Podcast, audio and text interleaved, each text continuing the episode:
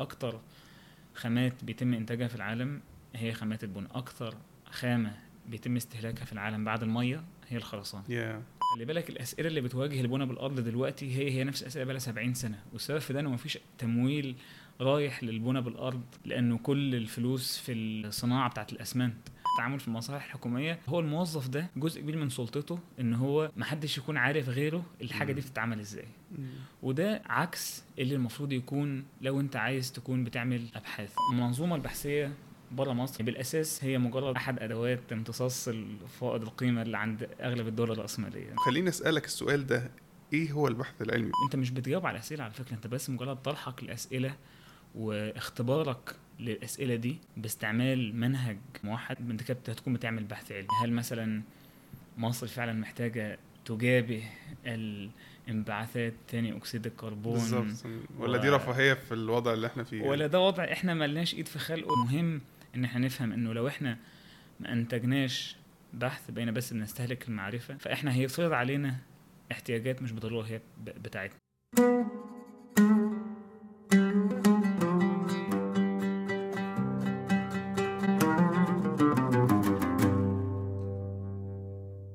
بسم الله الرحمن الرحيم. أهلا بكم في حلقة جديدة من معمار كاست النهارده معايا مهندس دكتور هشام طارق صديقي العزيز. أهلا بيك يا باشمهندس دكتور.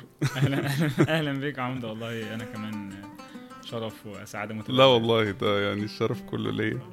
هشام أصلا مهندس مدني خريج AUC construction وبعد كده عمل ماجستير في construction في AUC وبعد كده ما شاء الله يعني مسيرة أكاديمية مشرفة جدا. وإن شاء الله القادم أفضل.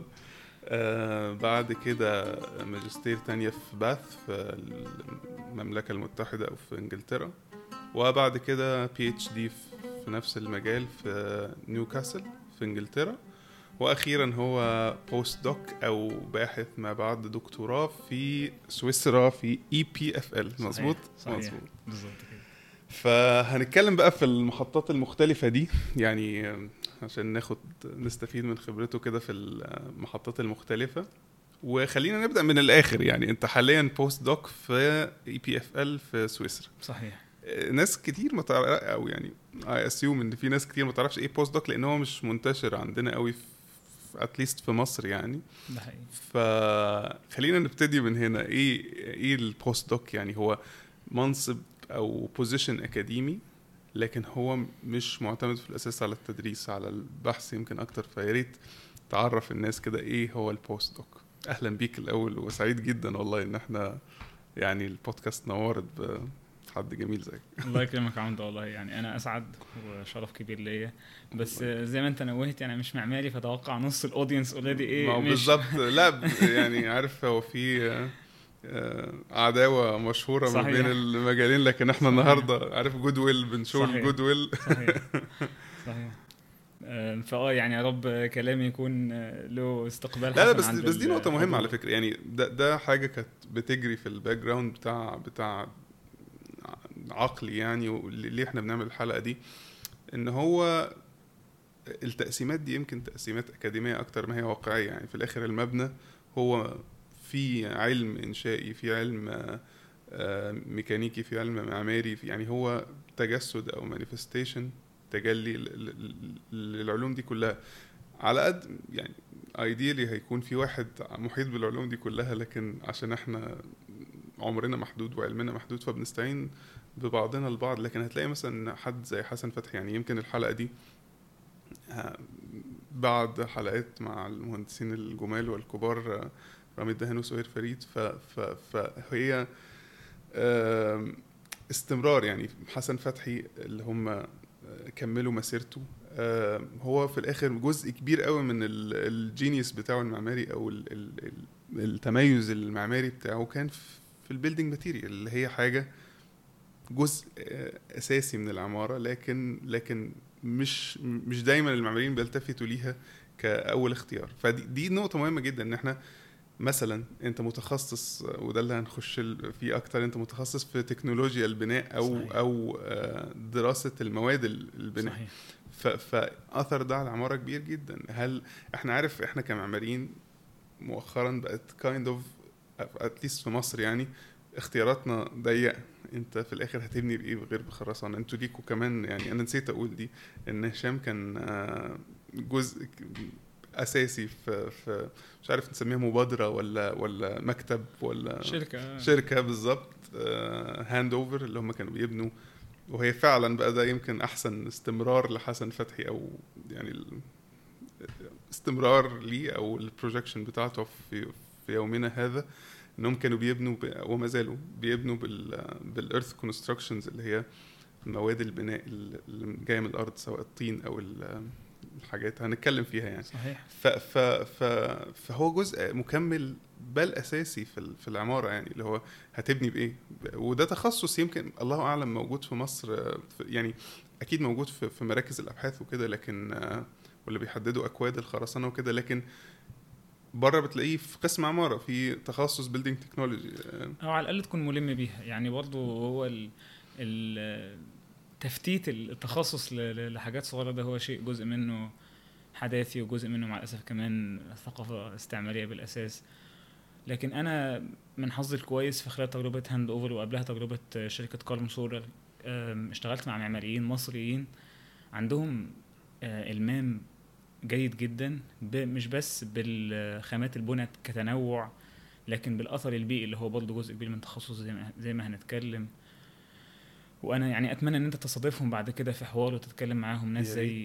آه ناس زي إسلام المشتولي ناس زي وليد عرفة عمر ربيع ده برضه معماري ممتاز شغال في الهند. أتمنى والله يعني ده يبقى شرف ليا والله.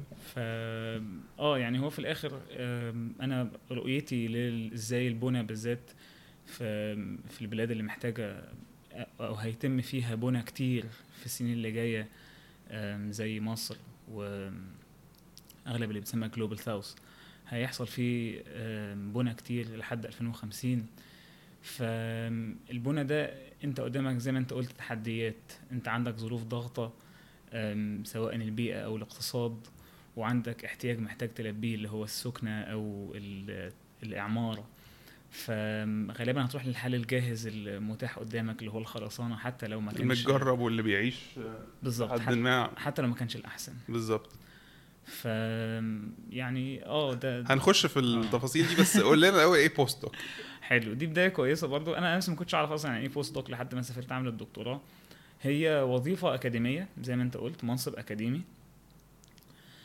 ما بعد الدكتوراه أنت لو مش هتشتغل في في ال industry لو هتشتغل في الاكاديميا عندك مش هتشتغل في الممارسة المعمارية هتشتغل في الجانب الأكاديمي مش معمارية بقى أنا آه، أنا آسف أنت, أنت, أنت عايز تقعد. الحضور يعني معلش. ما هيمشوا كده كده معلش آه يعني عندك طريقين في الاكاديميا يا إما تكون اللي بتسمى ال lecturer أو المحاضر أو اللي هنا في مصر بيبقى اسمه مدرس أو post doc researcher أو اللي هو الباحث.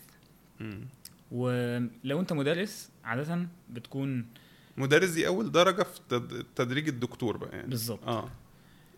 تدريج الأستاذ. آه، هم الاثنين. بيوصلوا لل آسف يعني دي. أول درجة بعد ما يبقى معاك دكتوراه مدرس. مدرس آه، دكتور مس... أستاذ مساعد ثم بالظ- أستاذ. بالظبط الله. يفتح عليك.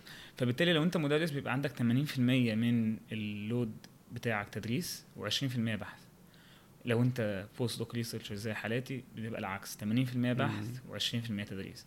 يعني حتى أنا يعني لما مثلا بكلم والدتي وأقول لها إن أنا شغال باحث وده هي بتلاقي صعوبة في إن هي تفهم هو. الباحث ده يعني أما بيعمل إيه أصل أنت قاعد على المكتب طول اليوم يعني أنا بكلمك. وليك قاعد على المكتب فهي متصورة إن أنا هبقى لابس يعني آه، روب- بقى بد... لا روب اللي هو بتاع المعمل طالما أنا باحث كونك يعني في الخرسانات وال و... آه وأنا في الحقيقة فعلا يعني كوني شغال في الخرسانة أنا ببقى زي زي أي فني في أي معمل يعني متغرق بأسمنت وبتاع وبعمل خرسانة يعني هي المسميات بتدي انطباع أكبر غالبا من من الحقيقة سواء في ده.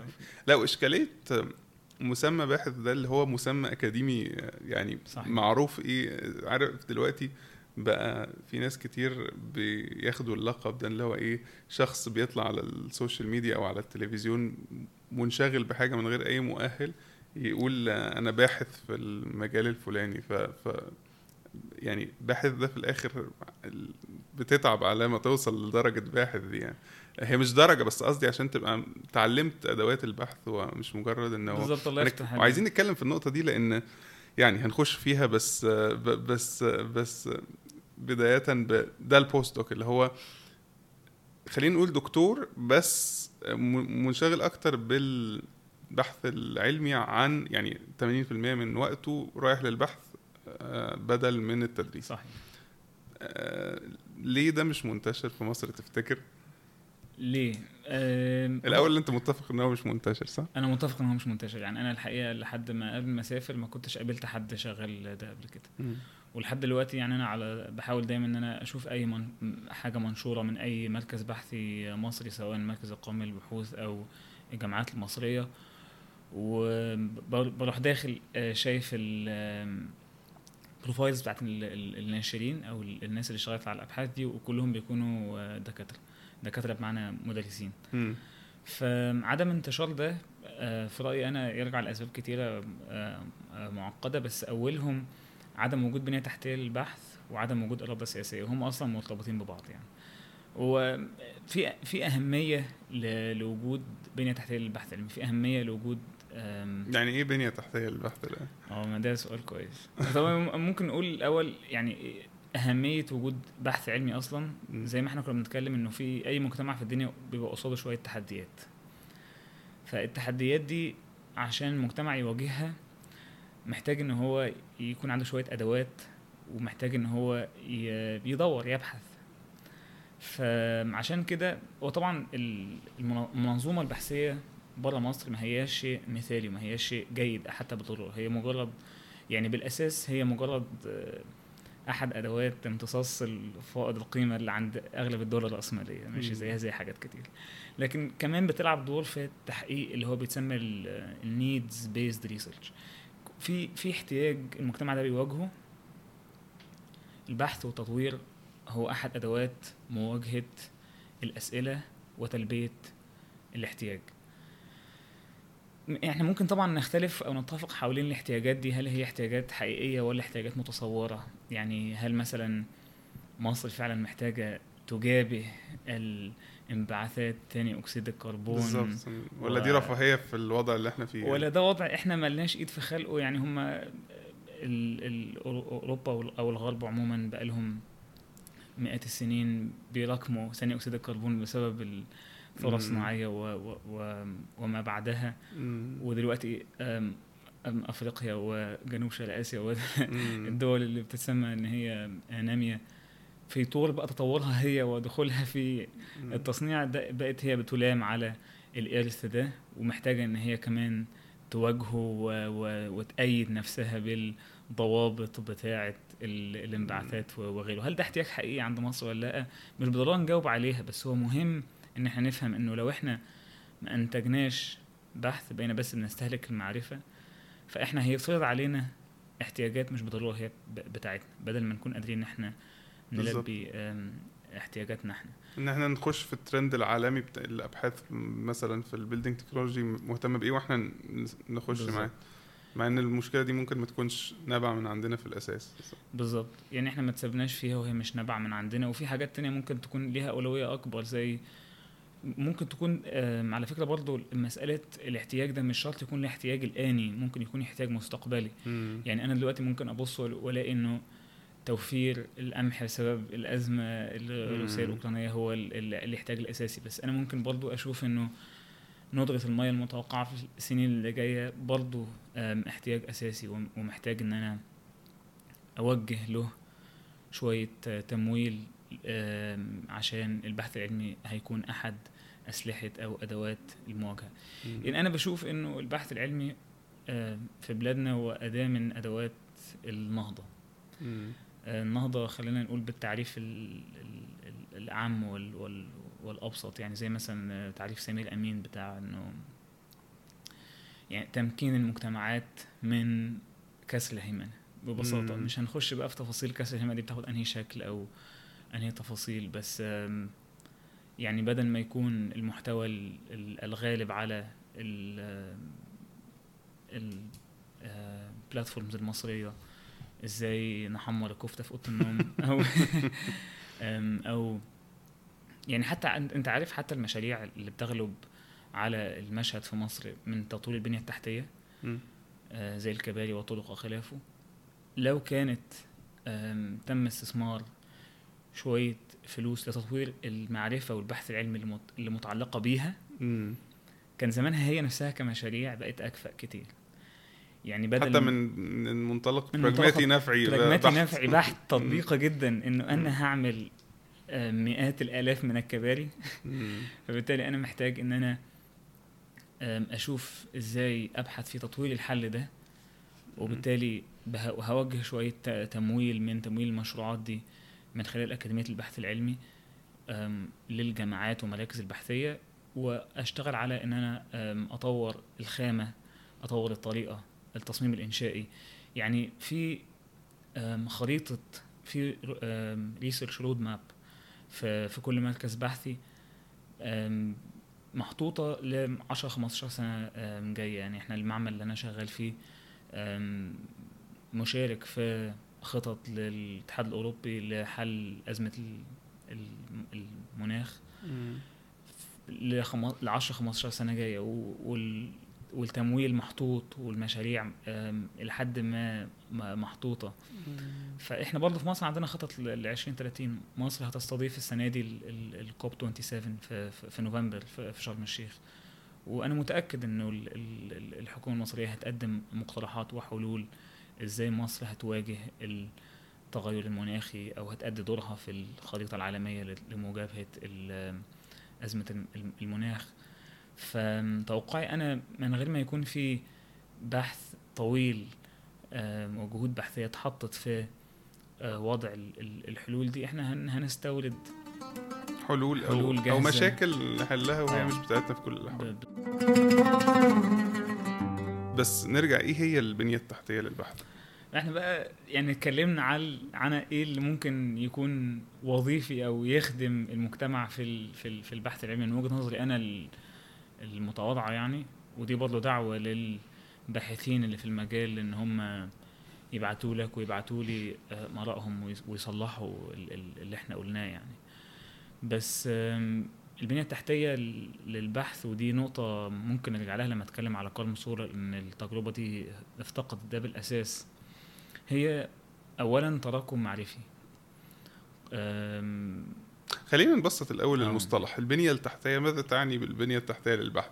وجود عوامل. مساعدة أو وجود يعني وجود عوامل مساعدة تسمح بإنه البحث ده يتم يعني, يعني الانفايرمنت أو البيئة, البيئة. ال- اللي اللي تخلي البحث تسهل على الباحث البحث وتخلي أسباب البحث واهدافه كله بيساعد على إن البحث ده يكون آه، نافع أو أو يعني عارف مش مجرد أنا هبحث في حتة لا هو كمان قبل كده يعني مش بس إن هو يسهله إنه نتيجته تكون نافعة إنه يتم يعني آه. في, في الآخر الأدوات وال... آه بالظبط إن أنت إن من من غير بناء تحتية لل- لل- للبحث وده اللي ممكن يكون واضح في التجربه بتاعت كارل سورل أنت هتبقى يا إما عمال تشتغل في سقف واطي جدا لأنه ما عندكش تمكين سياسي وما عندك ما فيش اراده سياسية وفي نفس الوقت ما عندكش أدوات وفي نفس الوقت ما عندكش موارد.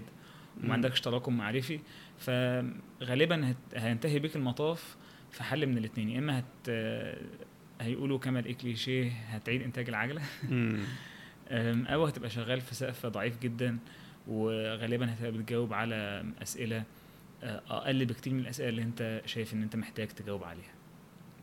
وده ياخدنا لنقطة مهمة جدا إن هو مع إن هيبان أو المفترض إن هو سؤال بدائي جدا بس اعتقد يعني حصل موقف قريب خلاني أستوعب قد إيه أهمية إن لازم نسأل الاسئلة ال أو نسأل ونجاوب على الأسئلة البديهية جدا اللي زي ما هو البحث العلمي. What is research لأن أنا يعني حضرت مؤتمر على مستوى المفروض كبير جدا من فترة مش طويلة في- مصر للأسف. آه، يعني ال- العناوين كانت promising أو يعني واعد آه واعدة و- وتشد جدا. وال يعني العناوين بمعنى إن المواضيع. آه. لكن آه، لما حضرت بعض ال presentations أو ال ال يعني ال- المحاضرات في المؤتمر حسيت إن مشترك ما بينهم على الرغم من ان كتير من ال من ال presentations دي كانت يعني اللي بيديها كان أستاذ دكتور. لكن حسيت ان ان إن في شيء أساسي في ماهية البحث العلمي ممكن تكون مش بالضرورة غايبة ولكن مش واضحة. آه، لأن أعتقد وخليني أسألك السؤال ده إيه هو البحث العلمي؟ بس أنا اللي لفت نظري في الموضوع إن البحث العلمي في تصوري يختلف عن اللكتشرنج أو إنك تدي محاضرة لطلبتك 100%. في ال في في في, ال في الفصل أو في أوضة المحاضرات. آه أنت في اللكتشر في المحاضرة أنت مش مطالب أن تأتي بجديد أنت بتشرح لهم أو بتمهد لهم فكرة معينة. يعني لو أنت بتشرح مساجد في إيران مثلا أو في, في إيران في القرن ال 17 أو في القاهرة أو أو مش مطالب تأتي بجديد. أنت ممكن ت ت تشوف مين قال إيه وأجمع ده وأديه في محاضرة صحيح. للطلبة من باب ال introduction أو إن أنا أعرفهم بالموضوع. صحيح. ده أعتقد غير مقبول تماما في البحث العلمي ان هو ال cutting and pasting إن أنا أجيب ده. وبتفاجئ ان ان ان إن في أساتذة بتعمل كده. ومطلوب مطلوب جزء من ده. يعني في الآخر برضه إحنا محتاجين نفرق بين البحث العلمي كمنهج وكتطبيق. لأنه كتطبيق هيختلف حسب الموضوع. لو إحنا بنتكلم على الهندسة المدنية ده شيء آه، إمبريقي أكتر منه يعني إيه إمبريقي؟ آه، ترجم آه، تجريبي صح؟ تجريب empirical empirical آه. أنا ليه بقول كده؟ في آه. يعني بعض المتابعين الكرام قالوا لي إن أنت لازم عشان أكيد مش كل الناس عارفة كل ال technical terms أو صحيح. المصطلحات فخلينا نوضح. صحيح. في في المجال ده وفي الموضوع ده أنت ال ال ال البحث العلمي بتجاوب أنت مش بتجاوب على أسئلة على فكرة أنت بس مجرد طرحك لأسئلة واختبارك للأسئلة دي باستعمال منهج آه، موحد اللي هو المنهج ال- ال- العلمي انت كده هتكون متابع انت كده هتكون بتعمل بحث علمي. يعني هو ال- ال- المكونات مش إن مش ب- ما فيهاش نتيجة ما فيهاش إن أنت تطلع بكشف. لكن فيها إن أنت تختبر تساؤل والتساؤل ده يكون يحتمل وجهين وتستعمل المنهج التجريبي في إن أنت تحط مقدمات وتتوقع نتائج وتختبرها سواء وفق تصورك أو خلفيته في الآخر المكتسبات من من البحث هي اولا تطبيق المنهج ثانيا التراكم اللي هو بيبقى جزء أساسي منه اللي أنت حكيته ما ماذا تم عمله من قبل. ودي أظن مشكلة في المجال المعماري في مصر. أنا يعني ما ادعيش معرفة كبيرة بيه بس كل مرة حضرت محاضرة لمعماري في مصر الموضوع فيه شيء ذاتي جدا. والتجارب أغلبها مبنية على الأفراد والأشخاص والمعماريين الم- المعماريين بأفرادهم. و... وأنت لو صادفت أحمد عبد الجواد اللي معايا في هاند أوفر أو إسلام أو وليد و- واتكلمت معاهم هتلاقي إنه في دور كبير جدا في تجربتهم المعمارية جاية من التراكم اللي هم عدوا بيه وتأثرهم بمدارس مختلفة. وتجربتهم هي نفسها هتلاقي فيها تحولات. فلما يجي هو بقى يعمل محاضرة مش هيتكلم على دي صورتي وأنا في أسفاري ورحلاتي وكده. هيتكلم على. الحاجات اللي تأثر بيها وشكلت وعي وشكلت تجربته فالتراكم المعرفي شيء مهم وأساسي في في البحث العلمي وفي وفي المنهج والإرادة السياسية برضه مهمة. والعوامل يعني مثلا أنا لو واحد بختبر الخرسانة أنا محتاج معامل بشكل معين محتاج أفراد يكونوا بياخدوا مرتبهم أو يعني ال- المقابل اللي بياخدوه جاي بس لشغلهم في البحث العلمي. أنا ما- أظنش إن في أستاذ في مصر غير قادر على إن هو يعمل empirical research في في في كوادر كتير جدا ممتازة بس هو تقنيا يعني أو علميا. تقنيا آه. مم. لكن المشكلة بتكون في ال في ال funding أو الميزانية بالظبط. أنا عايز أقول مثال ضحك بس على موضوع الاحتكار المعرفه ده عشان إيه. نكسر الحاجز شوية. امبارح كنت ب... كنت بجدد البطاقة وأنا دايما عندي يعني مثال كده بحب أطلبه للاصدقاء يعني على مسألة التعامل في المصالح الحكومية إن هو شبه التراجر هانت يعني أنت بتخش مفيش يعني مفيش أي توجيهات أنت لازم تروح لشباك ما عشوائي والموظف اللي جوه دايما مشغول وبتسأله يعني تساؤل أنا أبدأ منين. فهو بيشاور بصباعه في اتجاه ماشي صحيح. فانت بتمشي في الاتجاه ده وبتتناوب بقى على الشبابيك بتاخد لغز من هنا واللغز ده بيكمل حتة من الخريطه لحد ما ربنا يبقى يوفقك وفي الآخر على آخر اليوم تكون عرفت اللي مطلوب تعمله ما. تكونش عملت منه حاجة. وبعدين بتيجي بقى يوم تاني وامبارح ده ده اللي حصل. أنا برضو رحت على السجل المدني والست قالت لي عايز استمارة فورية. فأخدت الاستماره الفوريه دي وبعدين في الآخر اكتشفت إن أنا محتاج أجيب لسه طويلة من الأوراق لن أتمكن من استخراجها غير تاني يوم. ولما استخرجها الفوريه دي اللي هي بتاخدها بعد يومين مم. فالشاهد في القصة يعني إنه فما بقتش فوريه خلاص لأن أنت وإنه ال- المعرفة دي محتكرة هو الموظف ده جزء كبير من سلطته إن هو محدش يكون عارف غيره الحاجة دي. بتتعمل إزاي. وده عكس اللي المفروض يكون لو أنت عايز تكون بتعمل أبحاث لأن المفروض إنه في معلومات معينة تم تشاركها عن المشكلة. عشان نوصل للحل يعني مم. أنا مش هعرف أصلا إذا كان في مشكلة ولا لأ إلا لو إحنا اتكلمنا فيها وكان عندنا تدوين وتراكم وأرشفة كويسة للمشاكل والمعوقات اللي بتواجه أي حد في أي مجال في المجتمع من أول رصف الطرق لحد استخراج ال- الرقم القومي والمعلومات دي هي بعد كده اللي هتكون الأسئلة الأساسية اللي هيتم الإجابة عنها من خلال ال- الأبحاث. صحيح. بخصوص ال يعني يمكن هي العمارة مش في كل تخصصاتها إمبريقية كده أو أو أو معتمدة على الأرقام. طبعا في حاجات زي تكنولوجيا البناء اللي هي ضروري بتقيس بقى درجات الحرارة ودرجات يعني حاجات بالظبط. كتير قابلة للقياس.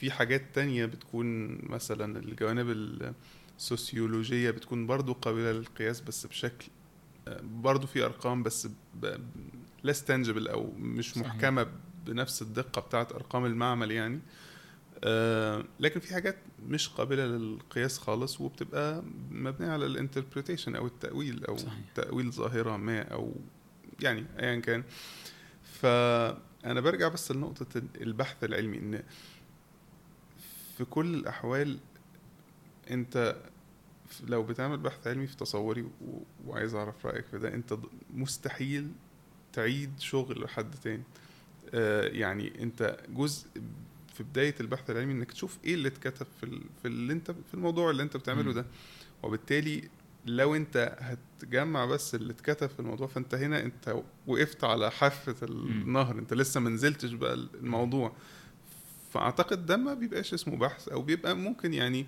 تجميعة كده ضرورية كل شوية إن إحنا نشوف إيه اللي كتب في ونعمله بس ده دي مش مساهمة حقيقية. آه، فبتبقى غريبة شوية إنك تلاقي إن إن حاجة بهذا ال...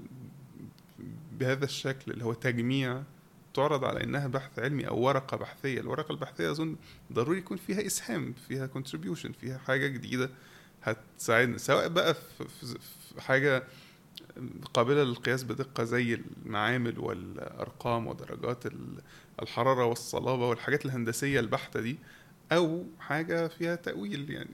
فأعتقد البحث العلمي في كل أحواله آه، مبني على الإضافة وإن إحنا نبني خطوة فوق اللي اتبنى. فانك تلاقي إن في ناس بتعيد زي ما أنت بتقول اختراع العجلة آه، ده مش مش بالضرورة يكون سرقة أفكار ولكن ممكن يكون تقصير في حتة معينة إن أنا لم أحط آه، علما باللي اتكتب أو إن أنا أكون يعني نتيجة غياب البنية التحتية اللي أنت بتقول عليها دي إن إحنا مش عارفين الجهود المفروض تتسلط فين. يعني المفروض في حاجات خلاص قتلت بحثا وخلاص يعني مهما دخلت فيها حتى لو جئت بجديد هيكون جديد بسيط جدا على قد يعني في مقابل مناطق لسه محتاجة جهد كبير عشان نقدر حتى نعرف معالمها الأساسية. في كذا جزئية. أول جزئية وفي فيلسوف ممكن يقول لك إنك لا تضع قدمك في النهر مرتين فيبقى أنت كده. يبقى يبقى يبقى بالتالي ال- ال- البحث اللي هو بيتسمى literature ريفيو اللي هو إن أنت بس بتجمع ال- ال- المنشور قبل كده هو شيء جيد ومطلوب. هو طبعا مطلوب بشكل أقل بكتير. مطلوب مثلا يكون في ريفيو في السنة في كل موضوع. لأنه ده هيكون نقطة انطلاقك البحثيه ده هيكون كأنه هو التراكم اللي إحنا بنتكلم عليه مشاركة المعرفة اللي إحنا بنتكلم عليها. دي ال- التجميع دي هتساعدك على إنك تكون قادر تلم بكل ما تم بحثه عشان تعرف النواقص. لكن في الحقيقة ال- ال- النموذج ده أنا بشوفه برضو يعني غربي ومتأثر بالطريقة ال- الغربية في, في, في الإنتاج المعرفي لأنه في طرق تانية للتراكم. مش شرط تكون تراكم ب- بالضرورة بال- بالمنشور ممكن تكون آم، مسموع أو المحكي أو في في في طرق كتير إحنا ممكن نعرف بيها ال- ال- المشاكل دي عشان نعمل بحث علمي بمعناه ال- ال- الأشمل. لكن مهم إن الأسئلة تكون أسئلة حقيقية. المهم إن إحنا نشتبك مع ال... مع الواقع بتاعنا بشكل يخلينا بنحل مشاكلنا إحنا بدل ما نحل مشاكل حد تاني. زي ما باسل الأعرج الله يرحمه كان بيقول لك إنه ال- المثقف ال- الثوري هو المثقف ال- المشتبك مع الواقع ما بيسيبوش. فدي أول جزء. الجزء الثاني إحنا برضو ك يعني disclaimer كده محتاجين نأكد على إنه البحث العلمي ما هواش شيء unbiased حتى لو كان رقمي. غير متحيز. هو غير مش متحيز. غير متحيز. بالظبط هو متحيز. هو الله متحيز. يفتح عليك. ده معناها إن هو كل واحد بيدخل المعطيات بتاعته وبيحط الإطار بتاع البحث بتاعه حسب تحيزه هو وبالتالي ده بيأثر بشكل كبير ده على- النتائج اللي, بتطلع من من من البحث ده. الحاجة الثالثه إنه أم، إجابة مباشرة بقى على سؤالك. ده آه تع... مشكلة تعريفية. هو ده ما يبقاش اسمه فعلا research ده يبقى اسمه search أنت بس مم. دورت وعرفت إيه ال- إيه اللي المفروض تم نشره قبل كده أو إيه المتداول عن المسألة وجمعته كله في حاجة واحدة. وده المفروض يكون نقطة انطلاقك بقى في ال research بتاعك. المفروض يكون ال... القاعدة اللي أنت بتعرف منها النواقص وبتبدأ تطرح الأسئلة وتجاوبها. بالظبط اللي هو إنك تعرف إيه اللي إيه, إيه ال- زي ما أنت تقول بيسموها اللاكونة أو ال- ال- الفراغ اللي أنت هتملاه لكن. لكن يعني أعتقد إن إن إن ده هذا النوع من الأبحاث لا يصلح للترقيات ولا ل- لإنك تبقى scholar بقى تبقى عالم أنت مش متخصص شكلك مش عايز عايز تقطع عيشي مش عايز نرجع اشتغل في مصر أنت بتعيد تدوير ال. أنا أحب العجلة جدا ممكن أعملها كل يوم خلينا بقى نخش في موضوع بحثك صحيح. اللي هو ال... أنا عارف إن أنت متخصص في التكنولوجيا البناء ومواد البناء المستدامة لكن بالتحديد في الخرسانة بتعمل. تجارب على الخرسانة صحيح. ممكن تكلمنا ال- بالمناسبة انت اتكلمت كتير على كارم سولر فأحب إن إحنا نرجع لها تاني حتى من باب نعرف الناس مش عارفة إيه كارم سولر دي. إن شاء الله. فخلينا نبقى نرجع لها بس خلينا بداية نعرف إيه موضوع بحثك وبتعمل إيه ك postdoc الأبحاث اللي أنا شغال عليها الخرسانة المستدامة دي جوه إطار أوسع وأشمل اللي هو خامات البناء المستدامة. والمهم قبل ما نجاوب على إيه هي الأبحاث دي إن إحنا نعرف إيه هي الاستدامة. فأنا نقطة انطلاق التعريف بتاعي هتبقى طبعا غربية بحكم إن أنا بشتغل هناك والاستدامة آه، بتعريف الأمم المتحدة زي ما بيقولوا هي sustainability صح؟ sustainability أو sustainable development. وهي ال trade-off بيسموها ما بين الاستدامة البيئية والاجتماعية والاقتصادية. بمعنى؟ إنك تقدر إن أنت تقدم حلول تقلل من الأثر البيئي لكن في نفس الوقت ما تكونش حلول فيها مغالاه اقتصادية.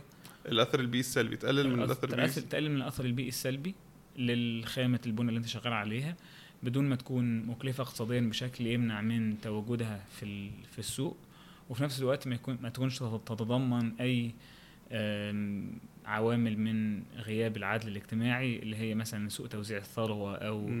آه، غياب فرص العمل و... و... وما شابه فالإطار ده من الاستدامة بيجي تحتيه خامات البناء باعتبار إنها شيء مركزي. أكتر خامات بيتم إنتاجها في العالم هي خامات البناء أكتر خامة بيتم استهلاكها في العالم بعد المية هي الخرسانة. يا. آه والله. والخرسانة دي طبعا ليها إشكالات بيئية كتير. هي ليها إشكال بيئي لكن هي مش ذنب الخرسانة نفسها. هي ال ال ال الخرسانة مكوناتها الأساسية بس برضه تعريفا للناس يعني عشان معماريين تعرف على قدهم. صحيح. أنا معترف. زلط ورمل آه، أو مالئ حبيبي. غير فعال غير متفاعل ومية أو سائل رابط ومادة رابطة. المادة الرابطة دي بتكون عادة أسمنت والأسمنت غال- غالبا الأسمنت العادي اللي هو الأسمنت البورتلاندي ده هو الخام المتعارف عليها لكن له بدايل الأسمنت البورتلاندي ده اللي هو الأسمنت المتعدد الاستخدامات اللي موجود في, في عند أي مواد ده عملية تصنيعه مكلفة جدا بيئيا لأنه كيلو الأسمنت تقريبا بي بي بي بيسبب تقريبا 800 جرام أو كيلو من ثاني أكسيد الكربون مم. ونص ده عملية ما تقدرش تقللها حتى لو استعملت مصادر طاقة متجددة فقللت الأثر البيئي السيء الناتج عن استهلاك الوقود الأحفوري مثلا. للأفران اللي بتصنع فيها الأسمنت عملية العملية الكيميائية بتاعه تفاعل الأسمنت نفسه تحويله من جير كمادة خام لأسمنت العملية دي هي نفسها بتطلع ثاني أكسيد الكربون للجو فما ما تقدرش تستغنى عنها فشغلي أنا بقى عن إزاي الخرسانة اللي هي المادة. فرجوعا للنقطة دي الأسمنت مقارنة بمواد تانية هو ما هواش الأكثر تاثيرا على البيئة بشكل سيء. في مواد تانية زي الحديد والإزاز يا والمواد البلاستيكية ليها أثر أكبر أسوأ. لكن لا يتم استهلاكها بالقدر آه ذاته المشكلة في كمية المشكلة في. الكمية. فبما إنه الأسمنت رخيص إلى حد ما رخيص بالذات في الغرب فخلال ال 60 70 سنة اللي فاتوا تم إنتاج كميات مهولة منه لدرجة إنه بقى أحد أهم الصناعات يعني في العالم.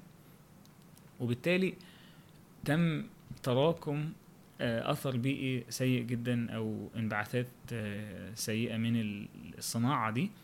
وشغلي أنا بقى مركز على إزاي آه، إن إحنا نخلي الخرسانة ليها أثر بيئي أقل. أثر بيئي سلبي يعني يعني تحديد الأثر البيئي السلبي صحيح هو يعني قليل إن أنت تكون عندك خامة بناء هتاثر بشكل إيجابي على البيئة بس آه لأ ممكن ممكن مم. ممكن. ممكن.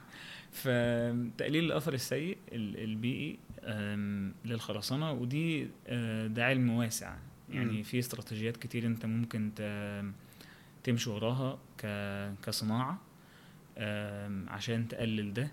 منها تقليل الخرسانة نفسها يعني منها إن أنت لو مهندس إنشائي بتصمم كاميرا أو بتصمم عمود آه، أو بلاطة أو كده مش محتاج إن أنت تبالغ في المعاملات الأمان بتاعة التصميم حسب آه. الكود فتستخدم تستعمل كميات خرسانة غير مطلوبة لتحقيق نفس ال ال الأهداف اللي هي ال compressive strength وال Young's modulus اللي هي المعاملات اللي في الآخر هي اللي بتحقق الأمان للمنشأ ده فلو قللنا الكمية دي كام سنتي على مجال واسع أو على آه، scale اللي واسع ممكن تقلل آه. إنتاج الخرسانة بشكل كبير بشكل كبير جدا. وكمان جوه كل خلطة خرسانة ممكن تقلل كمية الأسمنت اللي أنت محتاجها اللي هو سبب أكتر عامل في لا الخلطه هجيلك هجيلك آه. آه. ممكن تقلل كمية الأسمنت أيا كان نوع مم. ممكن تقلل كمية الأسمنت عن طريق استراتيجيات برضو إن أنت تغير حجم الزلط اللي بتستعمله وتغير تدرج الحبيبي بتاعه. و... وإن أنت تستعمل شوية مواد كيميائية تحسن ال flowability أو ال workability بتاعت الخرسانة فما تحتاجش نفس كمية المية. وآخر استراتيجية هي إن أنت تستعمل أسمنت بديل غير الأسمنت البورتلاندي. أسمنت تصنيعه بيؤدي لانبع... بيطلع انبعاثات أو ثاني أكسيد الكربون أقل من النسبة اللي أنا قلت لك عليها. الاستراتيجيات دي مجتمعة بتؤدي إلى تقليل الاثر البيئي السلبي للخرسانة كخامة بناء. إحنا محتاجين العالم كله محتاجها طبعا. لتلبية الاحتياج ال- الأساسي للتعمير في ال 50 60 سنة. طبعا لأن الخرسانة يعني في تجارب زي ما اتكلمنا إن حسن فتحي حاول ي... الله يرحمه حاول يخرج عن خامة الخرسانة دي ك... كحل سهل وفعال للبنى لكن حتى يعني لو لو هو كان بيغرد خارج السرب لكن حتى لو كان تأثيره كان أوسع بيظل آه، في محدودية أو يعني آه، حدود للقدرة لاستخدام الماتيريالز اللي هي يعني الغير خرسانية لأن الخرسانة بت بتحطها بقى وتنساها على عكس الحاجات اللي بتحتاج صيانة مستمرة. آه، فأعتقد حاجة مهمة إن إحنا مش بس نفضل بنحاول إن إحنا نستخدم حاجة خ- غير الخرسانة كمان إن إحنا نصلح الخرسانة. يعني أعتقد كون إن في أمل يعني هل في أمل إن يبقى عندنا بناء بالخرسانة بس آه، له أثر بيئي أحسن؟ مش بس على فكرة على البيئة وال carbon footprint والحاجات دي كمان جوه ال- البيت يعني دي حاجة برضو أحب نتناقش فيها ان يعني قاعدين قاعدين في مبنى خرساني هو أنا واثق إن الجو بره أحسن من جوه. لاسباب طبعا متعلقة بال ventilation وإن مفيش ال- المكان مش متصمم بتهوية جيدة. لكن كذلك بإن الحيطان نفسها بتخزن الحرارة كونها آه، أو السكeleton السقف يعني الحيطان طوب لكن السكeleton بتاع المبنى بيخزن الحرارة على عكس لو كان من خشب أو كان من آه، من من حجر أو الحاجات دي. فهل المعالجات دي ممكن تفرق في في ال thermal insulation والحاجات دي والله ممكن بس هو السؤال هل انت عايز ده ولا لأ. أنا برضو مسألة البنى بالأرض دي تعتبرها يعني حياة تانية مم. موازية أنا ماشي فيها عشان كده لما نيجي نحكي على التجارب اللي أنا عملتها في مصر هنحكي على إن أنا تجربتين الشغل اللي اشتغلتهم كانوا في البنى بالأرض ف إزاي بقى أنا شغال في أبحاث لي علاقة بالخرسانة. وأنا أصلا مهتم بالشغل بالأرض والسبب في ده يرجع لأنه زي ما قلنا مسألة ال- البحث العلمي ده في نوع معين من التوجيه. ده برضه شيء عالمي مش بس في مصر. خلي بالك الأسئلة اللي بتواجه البنى بالأرض دلوقتي هي هي نفس الأسئلة بقى لها 70 سنة. والسبب في ده انه مفيش تمويل رايح للبنى بالأرض لأنه كل الفلوس في الصناعه بتاعت الأسمنت. فكله مهتم إن هي تفضل تكمل وتفضل تنتج. فلو أنت سألتني يعني في ضميري. لا أنا أنا أفضل إنه منظومة البنى عموما تختلف. منظومة ال... ال... لأنه ال- البيت اللي أنت ساكن فيه ما هواش بس خامة هو مشروع اجتماعي كامل. صحيح. فلو أنت ال- العمارة اللي أنت ساكن فيها اللي ما تعرفش فيها جارك كلام شبه الحسن فتحي كان بيقوله. مش بالضرورة يتاخد زي ما هو لكن يتم معالجته بناء على الاحتياجات ال ال الأجدد. لو تقدر تعيش في بيوت أقل ارتفاعا تسمح بتفاعلات اجتماعية أكبر وتكون البيوت نفسها أوسع. من غير ما تهدر رقعه ارض ومن غير ما تكون غالية ومكلفة عليك اقتصاديا ده هيؤدي لإنك تكون قادر توفي احتياجاتك من خامات البناء من حاجات حواليك مم. وكجودة بقى لو هنتكلم كتكنولوجيا الخرسانة عشان تبقى أحسن وتعيش أطول ويبقى ليها أثر بيئي أقل محتاجة تكون مسمية أقل فبالتالي هتزود تخزينها للحرارة مم. على عكس الطين الطين كخامة بناء طبيعية قادر إن هو دايما يوازن ويوفر درجة حرارة آه، ورطوبة مناسبة ليك جوه البيت آه، بغض النظر عن لو لو تم تصميمه بشكل جيد طبعا من ناحية التوجيه والفتحات بالذات في في بلاد صحراوية زي جوها صحراوي زي مصر آه، حار حار وجاف وده يعني شيء أنا أحب إنك تفتحه مع أحد مع وليد أو مع الناس اللي طلبت منك تستضيفهم إن شاء الله لو شاء الظروف. إن هم أقدر مني على على الإجابة على ده. بس آه لا أنا أنا شايف إن الخرسانة بسبب الهيمنة بتاعة ال- ال- ال- الغرب على الصناعة دي هت- هتفضل هتستمر كصناعة مهمة وكخامه بناء مهمة في التعمير اللي هيحصل في السنين اللي جاية. فطبعا طبعا أنا يعني شايف إنه في أهمية للأبحاث اللي أنا شغال عليها آه، من ناحية تقليل الأثر البيئي بتاع الخرسانة كنظام قائم. بس ال- أنا أتمنى إنها ت- ت- يبقى تتبدل البديل آه. أوسع يعني يكتسب خلينا نقول بلغة الاقتصاد market share أوسع إن ال- بالظبط كده. آه إنه- ياخد جزء من السوق أوسع بالخامات البديلة. دي نهاية الجزء الأول من لقائنا مع دكتور هشام حافظ. يسعدنا جدا نقرأ تعليقاتكم على الأفكار اللي اتطرحت في الحلقة. ويا ريت لو عجبتكم الحلقة تعملوا like و share و subscribe. وإلى اللقاء في الجزء الثاني.